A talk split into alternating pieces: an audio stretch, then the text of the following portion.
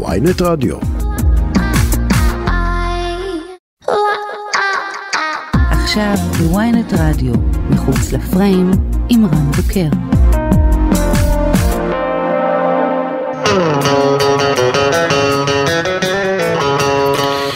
עבור רבים הוא נחשב למלך הטלנובלות הבלתי מעורער. תלוי באיזה שנתון נולדתם. עבור רבים אחרים הוא נחשב לגיבור מלחמה, שבוי שהיה בשבי המצרי, איבד את עינו ואת ידו, והיום אנחנו גאים מאוד לארח את אה, יאיר דורי, האיש והאגדה, מחוץ לפריים. אנחנו מתחילים, לא לפני שנגיד תודה לדנית סמית ולטכנאי שלנו, עמרי זינגר, מחוץ לפריים, מתחילים.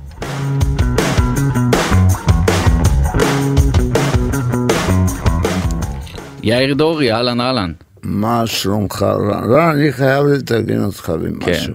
הרי כל אחד ברעיונות עוקר לי עין. אני עיוור עין, אבל הייתי עיוור עין, אבל לא עקור עין. לא, ש- איבד, איבד את הראייה בעינו. את הראייה, נכון, כן, נכון. אמרת עין, בגלל זה אני נכון. פחדתי ש... לא, יש לך אתה- שתי עיניים. שאתה צודק, יש לי שתי שתי עיניים. עיניים שלי, יש לך, כן. אז איבדת ראייה בעין אחת ואיבדת יד אחת אה, בשבי המצרי ואנחנו עוד נדבר על זה גם בהמשך.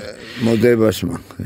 אה, יאיר, בוא נגיע רגע לדבר שבאמת אה, שם אותך מבחינת הרבה מאוד ישראלים וישראליות אה, בקדמת הבמה.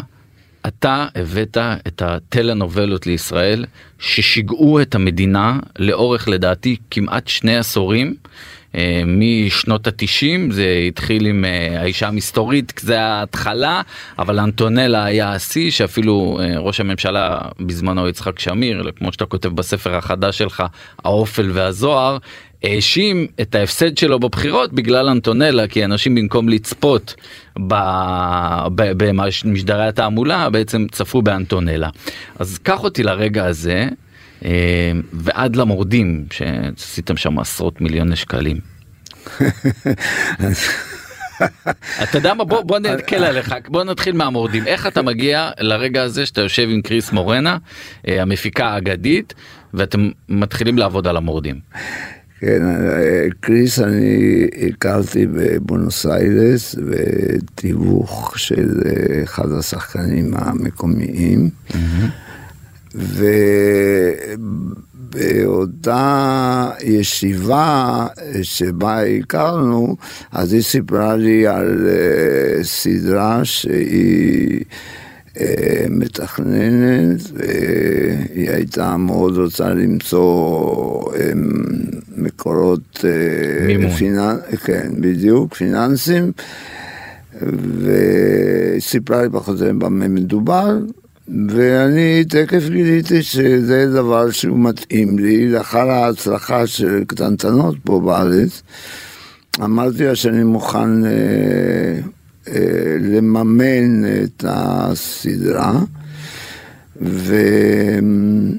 והיא די uh, התפלאה מהעובדה שאני תכף הסכמתי ולא היה איזשהו משא ומתן, שם זה רגיל להתחיל ובוא נראה, בוא נדבר. ישר אמרת לה קחי תני לי את החשבון בנק אני מעביר לך כסף. אתה יודע מה? אתה צודק. אני הייתי בחדר אתה לא זוכר. בדיוק ככה. טוב, היית קטן אז. אה, אני, היא אמרה לי, אה, שאלתי אותה כמה היא צריכה, היא אמרה לי, תשמע, אה, אני, האמת היא שאני צריכה כבר 150 אלף דולר. ואמרתי, 150 אלף דולר היא מעמידה את הסדרה. לא, היא יכולה לצאת לדרך. אה אוקיי. היא הייתה אחרי ליהוק, היא כבר ידעה... אה היא כבר ליהקה. כן, היא הייתה ממש, אה, תראה, ב, ב, זה היה בשנות האלפיים המוקדמות, 2001 שאנחנו נפגשנו, ואז היה משבר גדול בארגנטינה. אז בשבוע התחלפו כמה נשיאים והיה משבר כלכלי גדול מאוד, לא שהיום הם יצאו מזה, היום נכנסו לממורה אחרת, אז הם ממורה לממורה הם נמצאים. ואז אמרתי לה שכן, אני מוכן ונכון אה, אה, להיכנס איתה לסדרה.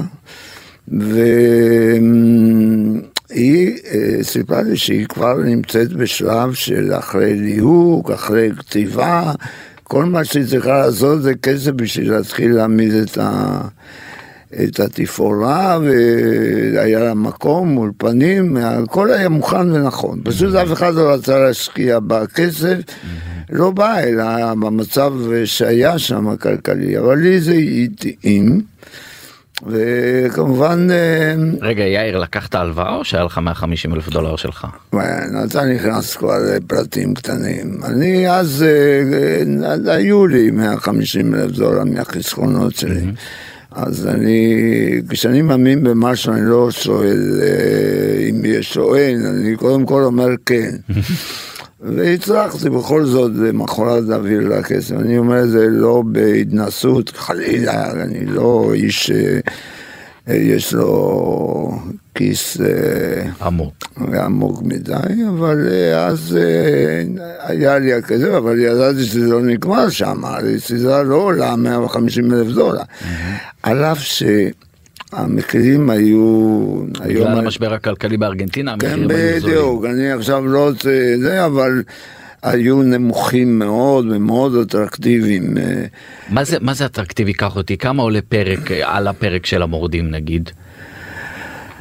אני, אני אזרוק הערכה, תגיד לי אם אני צודק. אז, אז, לא כן, היום, לא היום, כמובן, אז. היום זה משהו אחר. אבל נו, ת- תזרוק. זרוק, משהו באזור עשרת אלפים דולר. בוא'נה, אתה לא רחוק מזה. אמנם אה, מי ששומע, אומר, על מה הוא מדבר, מי שומע מהתעשייה, הוא מבין עניין, כן, כי היום בפחות מ-200-300 אלף דולר אתה לא עושה שעת... אה, אה, לא, בישראל אתה יכול להרים ב-200 אלף שקל סדרה שהיא תהיה 200 אלף שקל? פרק, 200 אלף שקל? לא? לא, מה פתאום. אוקיי. בארץ. אוקיי. שיבוא הגיבור ויספר לי, אולי אני אלמד אוקיי. ממנו. לא, לא. מה אתה אומר 200 אלף דולר עולה פרק? לא, גם אם זה טלנובלה עכשיו של אה, 100 ומשהו פרקים שמצלמים אה, מלא תראה, בוא נגיד לך, אני עכשיו ביחד עם דורי מדיה, שזו החברה שאני עשיתי, והיום היא מנוהלת אה, על ידי מפ"ל, על ידי איש שקוראים לו כן. נדב פלטי, כן? אבל אנחנו משתפים פעולה, ואנחנו יצאנו לדרך עם... אה, עם סדרה שהשם הזמני זה, זה אמיה, נדבר על התקופה של הפיצוץ של השגרירות ואחר כך אה, הקהילה היהודית בארגנטינה, זה פיקשון, כן, אבל כן. אני אה, מבוסס על זה. זה עולה לנו בערך כ... תן לי להיזכר בכמעט מדויק, 500 אלף דולר פרק. אבל אתה מדבר על סדרת איכות, אני מדבר איתך על טלנובלה שהיא לא פאר היצירה, אז אפשר להגיע ב- בישראל. כן, בסדר, אבל לא, אוקיי. לא, לא נזלזל באיכות. לא, לא, אבל אז אוקיי. היה, אמרת עשרת אלפים, אז טעית במקצת, זה ש- 13 אלף דולר. 13 אלף- 13 אלף דולר לפרק של המורדים. 13 אלף דולר לפרק של המורדים. Rebel the way, אז זה היה, אנחנו תרגמנו את זה ריבל למ- למורדים. ואחר כך זה עלה יותר כמובן כי היו ארבע עונות, זה לא נגמר בעונה. אתה אומר אחת. ארבע, אתה מתכוון לספירה שלכם כמפיקים, בישראל זה הוצג כשתי עונות. בסדר, אוקיי, אני נוטה להסכים, אני מדבר על מספר, אה, היו איזה 300 וכמה פרקים. אז, אה, יאיר, תגיד בחייאת. כן. כשאתה משקיע 13, שסדרה עולה לך 13 אלף דולר לפרק, כן. יש לך שם המון שחקנים ראשיים, כמה מקבל כל שחקן ליום צילום?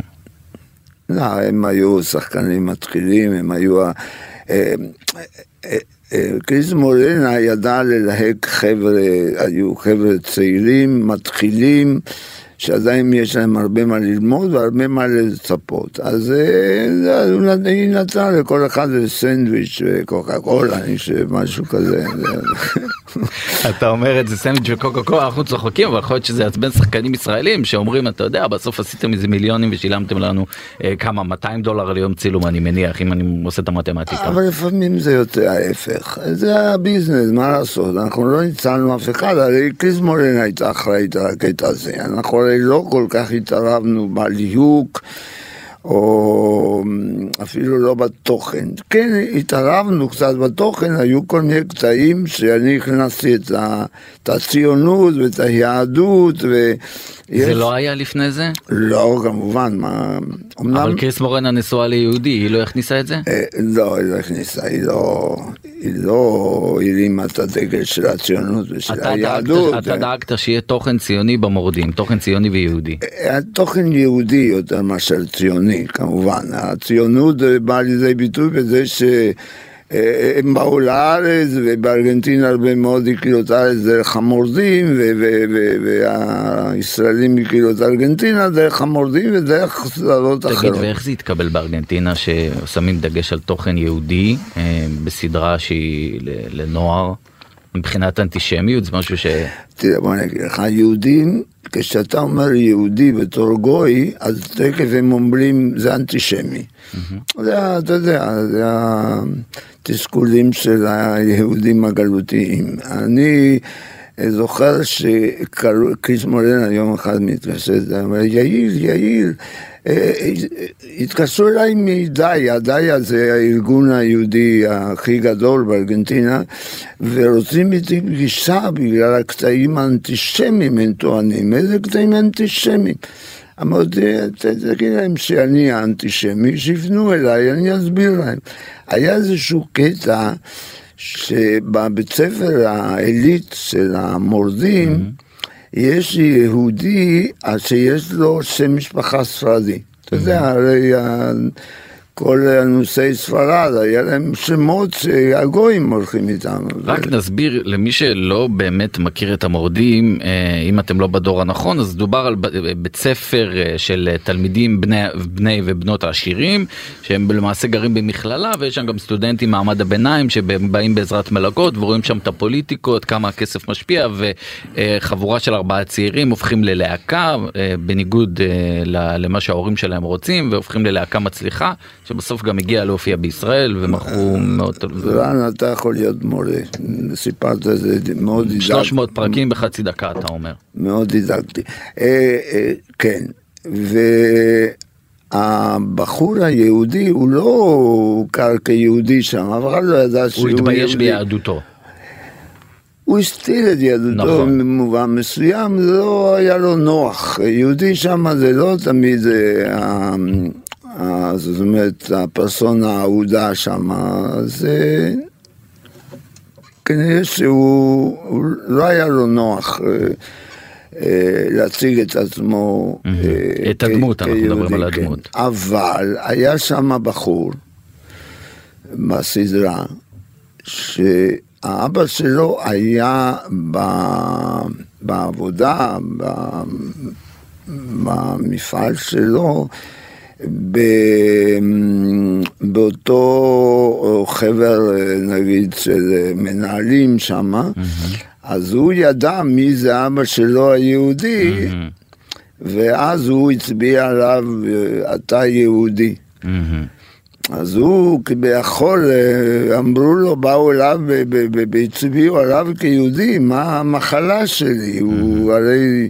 ואז לא. בארגנטינה תפסו את זה כמשהו אנטישמי? אה, חכה, אז הוא, כשהוא הגיע הביתה, אז הוא ביקש מאבא שלו, ואבא שלו הסביר לו מה זה להיות יהודי. אז זה, זה קטע שאני הכנסתי. Mm-hmm. ואז כביכול, הרי אתה משתייך לעם, הגאווה הלאומית, עניינים, mm. הכנסתי את כל את ההסברה.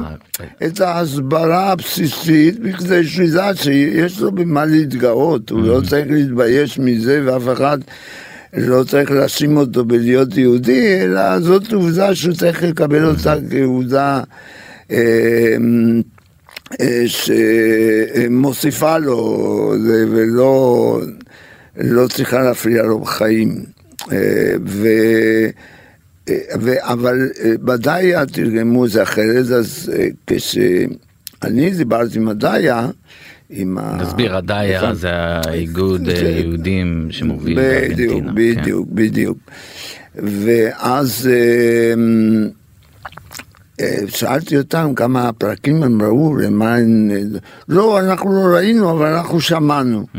אבל אותו הדבר קרה בארץ, שקראו לי לכנסת, אה, ועדת חינוך של חכה, הכנסת. עוד נגיע לבלאגנים שעשו לך פה, חכה, יאיר, אל תקדים את לא, אני המאוחר. פשוט, אתה יודע, רוצה... חכה, אתה רוצה תכלס, אני יודע, אני יודע, כן. אני יודע מה אתה רוצה, גם אנחנו רוצים, אל תדאג, אנחנו יש לנו מספיק זמן. כשאתם יוצאים לדרך עם העונה הראשונה יאיר אמ, צריך להגיד היה לך ניסיון עם טלנובלות בעבר בישראל כמו שאמרנו אישה המסתורית ואנטונלה ואתה גם מכרת את קטנטנות קטנטנות לא היית מפיק שותף קנית קלטות קלטות זה הפרקים ומכרת אותם לישראל ערוץ הילדים. כן, היו לי כמה כובעים. בהתחלה הכובע הראשון שהיה לי זה כובע של מפיץ.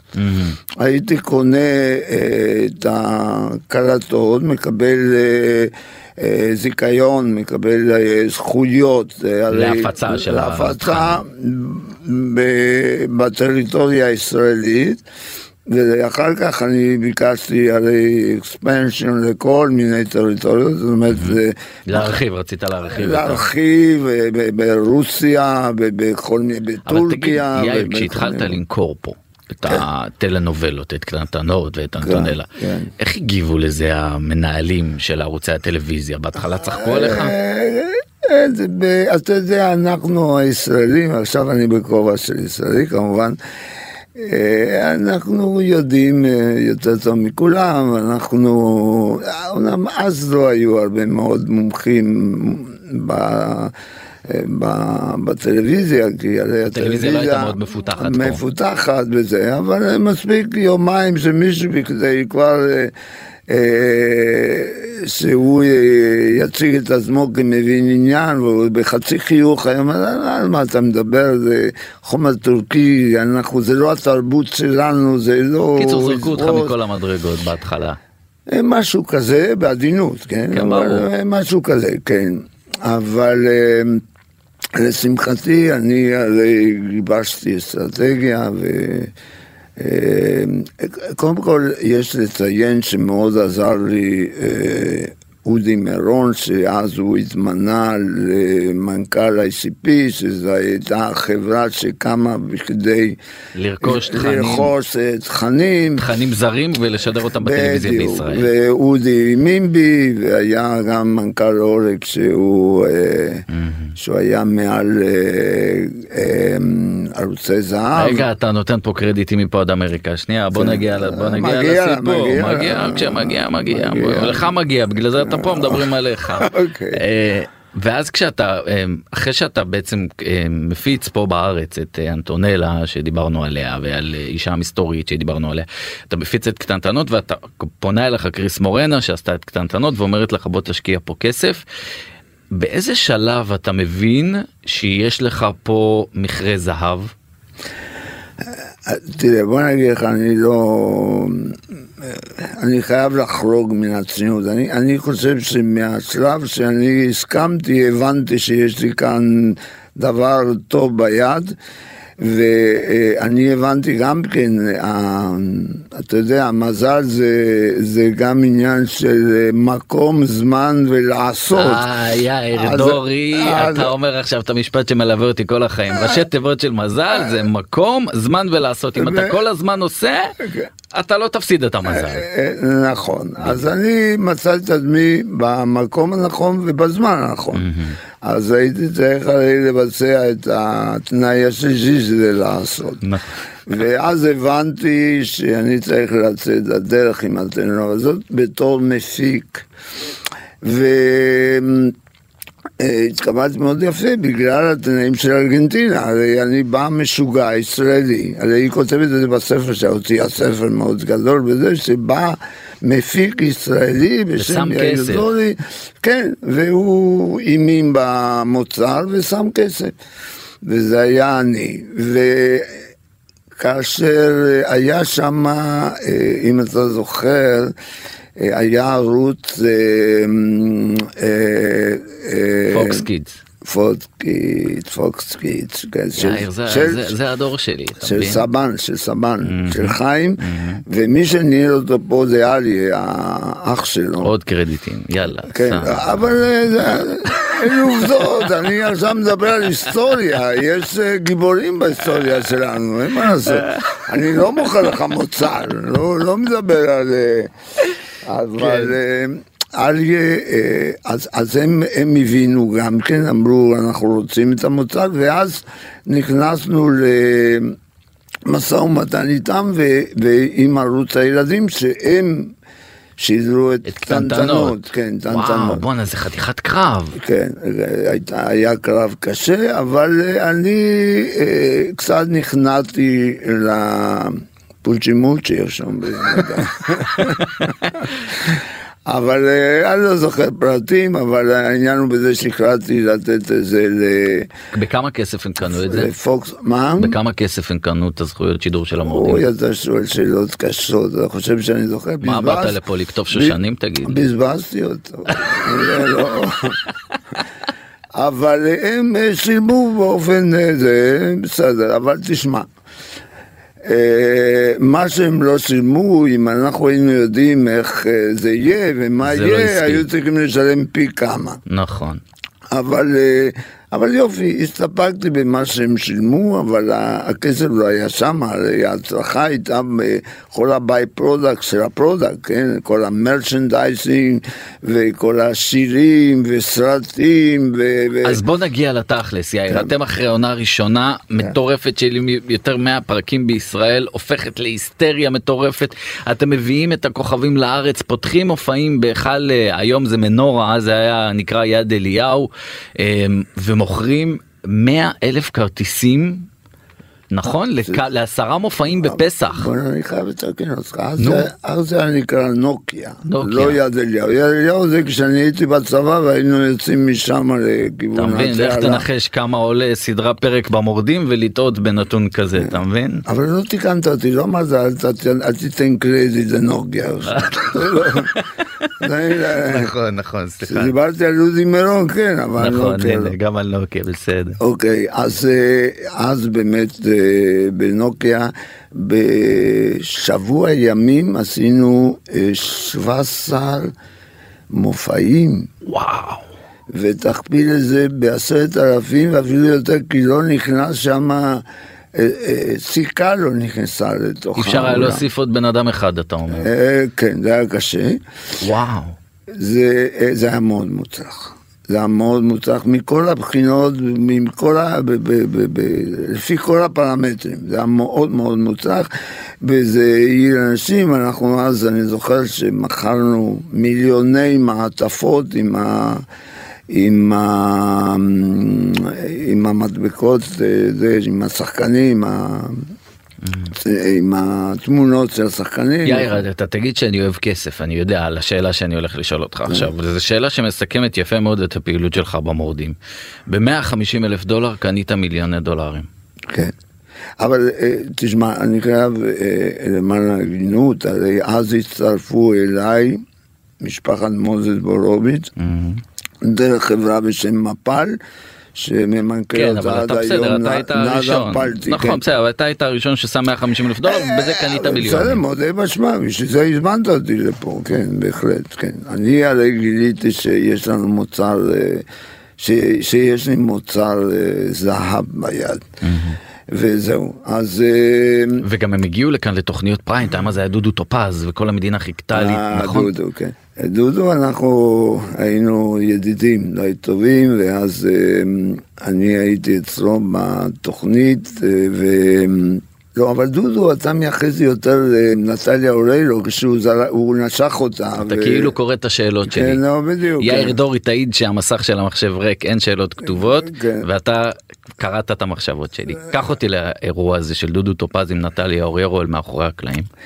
תראה, אה, נטליה בעצמה היא למדה מהעיתונות שלנו דרך התגובות ש- או הרעש שעשה מחוץ למדינה בארגנטינה, שהיא צריכה להיעלב ושקרה משהו שם. אז בוא נסביר רק שנייה, באותם שנים משודרת גם הסדרה מטורפת בובה פראית בערוץ ויבה, שגם נכון. אותו אתה הקמת.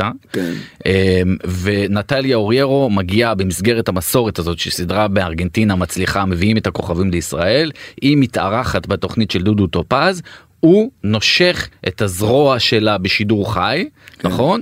נהיה רעש מאוד גדול. אני רק אוסיף בכוכבית שבגלל האירוע הזה התוכנית של דודו טופז שודרה בדיליי, היא לא שודרה יותר בשידור ישיר. דחו את זה, השידור היה, כלומר אם צולם משהו עכשיו הוא שודר 10 דקות מאוחר יותר כדי למנוע מקרים כאלה. עכשיו תספר לי על נקודת המבט של נטליה אוריירו. דודו ז"ל הוא היה מאוד אה, מדוכא מהאירוע, כי לא התכוון לזה, הוא התקשר אליי, תגיד שהיא תצא בהצהרה שלא קרה כלום בינינו, זה פשוט לא הייתה התנהגות ידידותית, הרי היה שהיא כביכול שיחקה איתו, אני לא זוכר בדיוק מה שהיא אמרה לו, אני תרגמתי, אני הייתי שם המתרגם, אז לא יודע מה שהיא אמרה לו, אז מזה הוא בא ו... ו- אה, היא זרקה לו כרית. אתה תראה כי זה זרקה מתועד. לו כרית, כן. זרקה לו כרית, ואז הוא כזה בתגובה לזריקת כרית, אז הוא מצא, אה, באותו. רגע הוא היה מאוד אה, ספונטני, דודו, אז הוא מצא לנכון אה, לנשוך אותה. אז אתה. אומר שנטליה אוריירו לא הייתה, אה, לא הבינה בזמן אמת את גודל האירוע והיא למדה על השערורייה הגדולה ועל הפרשה והסערה הגדולה שהתפתחה בישראל מהדיווחים בכלי התקשורת כאן שהגיעו לארגנטינה. כן, נכון. עכשיו, מה שקרה זה שהיא הייתה נשואה טריה, וואו. אז אה, בעלה, בחור יותר מבוגר ממנה ומאוד ידוע שם, הסלב, אז הוא התקשר אליה, הוא אמר, מה קרה שם? ואנחנו מדברים עוד לפני עידן האינטרנט זה מטורף איך שהדיווחים הגיעו. כן, כן, כן, כן, זה היה נורא, אני לא ידעתי איך להסביר את העניין, כי לא היה מה להסביר. הוא היה גם כן עם שושה, לפני זה אני הבאתי את שושה לארץ, והבאתי וואו אותו... זה לא ידעתי.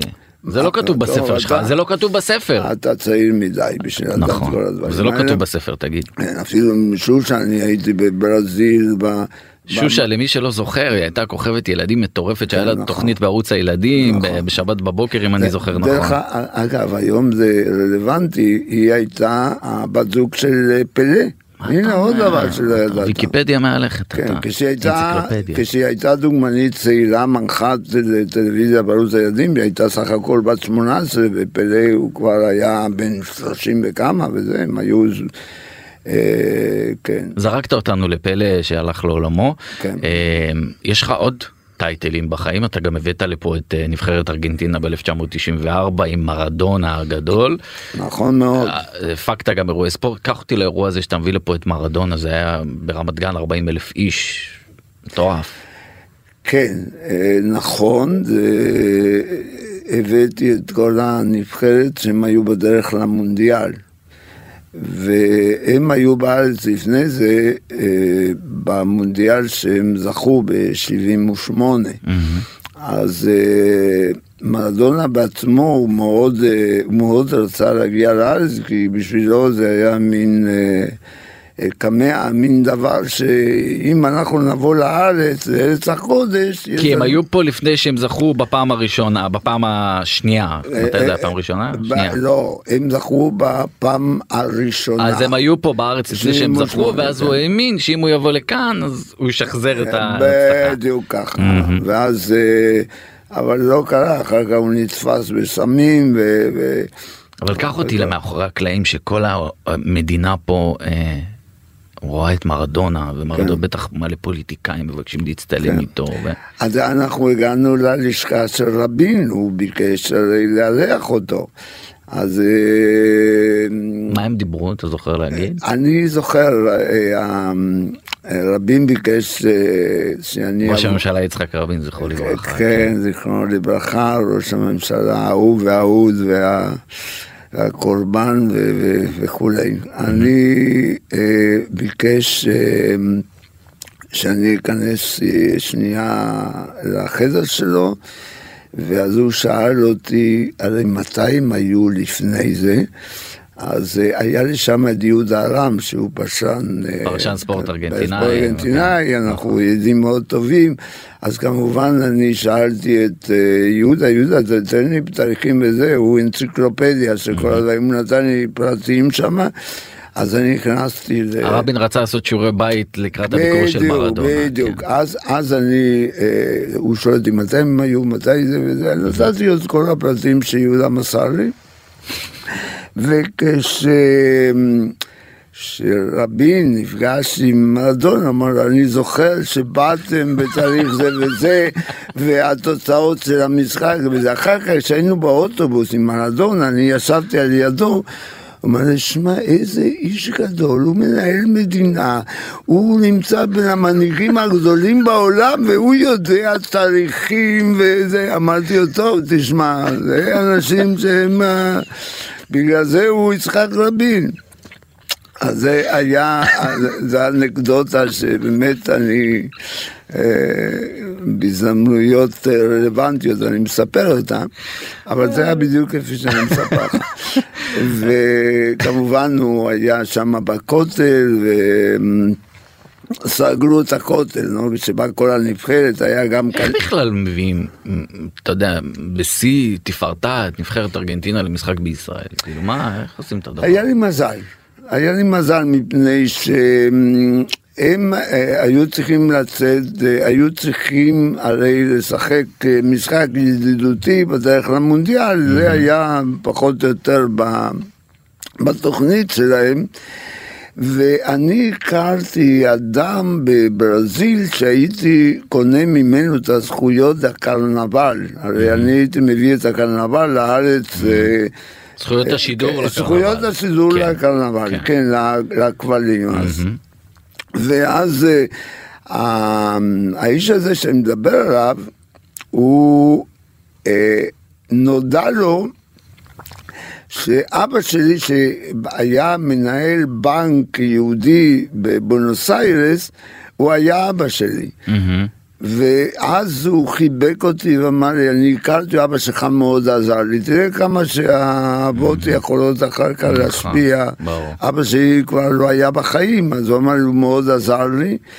ומה שאתה תבקש, הוא היה מין כזה דון קוריוני של זכויות. קיצור, עסקן, הוא היה עסקן. כן, והוא היה בברזיל. אבל מה הקשר ברזיל לנבחרת ארגנטינה? טוב, הוא היה חבר, הוא היה ארגנטינאי במקור, ובפוזיציה שלו, שהיו לו הרבה מאוד זכויות, הוא היה חבר של נשיא... ההתאחדות של ארגנטינה. גם של ברזיל, גם של ארגנטינה, הוא שם היה בן בית בכל מקום, קיבלו אותו כאילו שמקבלים את דון קורליונה. קומבינטור אתה. אלה החיים. זה ערן, אתה צעיר מדי בזה להבין את זה. הדברים. אז זה היה שאנחנו, אז הוא בא, הוא בא לארץ לביקור עם המשפחה, אז כמובן הזמנתי אותו אליי הביתה, והוא אמר לי, אתה רוצה להביא את הנבחרת? כן, תן לי את הטלפון שלך. אז לא, זה לא היה עם... uh, טלפונים סלולריים, זה היה התחלת טלפונים סלולריים, אז הוא ניגש לטלפון הקווי, הוא צלצל לארגנטינה, לנשיא ההתאחדות שמה, ודיברו כאילו שהוא מדבר עם, ה... עם החבר הכי טוב שלו, הוא אומר אני רוצה שיאיר זולי יביא, טוב בסדר, תביא אותו ונדבר על מה ועל מו. אז uh, כמובן שלא עשה את זה בחינם, אבל כל כסף שהיה מבקש היה שווה. נסעתי לארגנטינה, נפגשתי. סגרתי את ה-250 אלף דולר. וואלה, זה הכל. יאיר, עשיתי שיעורי בית. יאיר, אני אה, מקווה שמס הכנסה לא...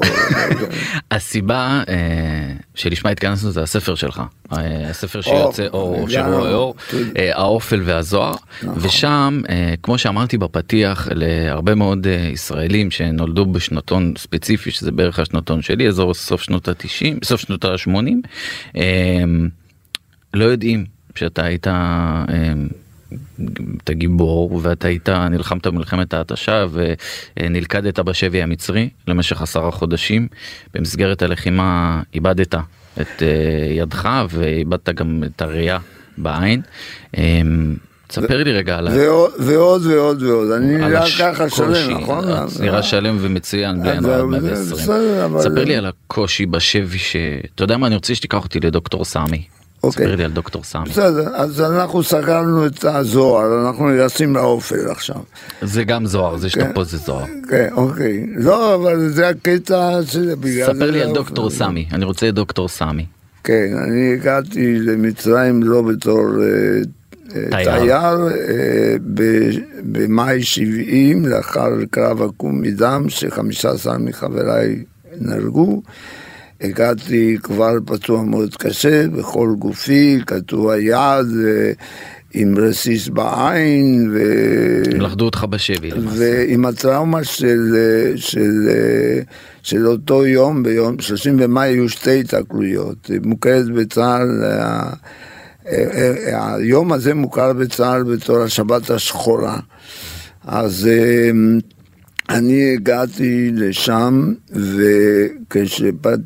וכשפקחתי עיניים לאחר שהייתי בתעלה, שהם זרקו אותי לתעלה, הוציאו אותי, משכו אותי מה... המצרים, נכון? מהשריון, אותך, מה, כן, מהמשוריין שהייתי.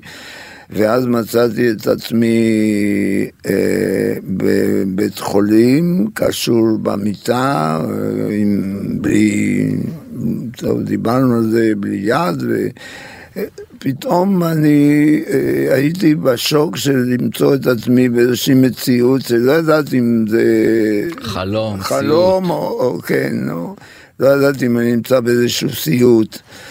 ומסביבי היו כל מיני אנשים אה, כאלה שהם לא, הסתבר שלא כל כך אהבו אותי, והם היו החוקרים, אבל היה שם אחד בחלוק לבן ביחד עם אחרים, שאחר כך הכרתי אותו בתור דוקטור סמי, וזה היה נקודת המפנה. הנקודה, כן, זה, זה נתן לי להבין שיש עוד תקווה שלא כולם רוצים שם לחסל אותי. אני רק נותן רקע, אתה עברת עינויים לא קלים, כן. אה, ודוקטור סמי, אה, כשהוא בא לטפל בך כל הזמן, אז הוא אמר לך, אה, תהיה חזק, אם לא תהיה חזק, אתה לא תחזור הביתה, ויש סיכוי שאתה תחזור למשפחה שלך.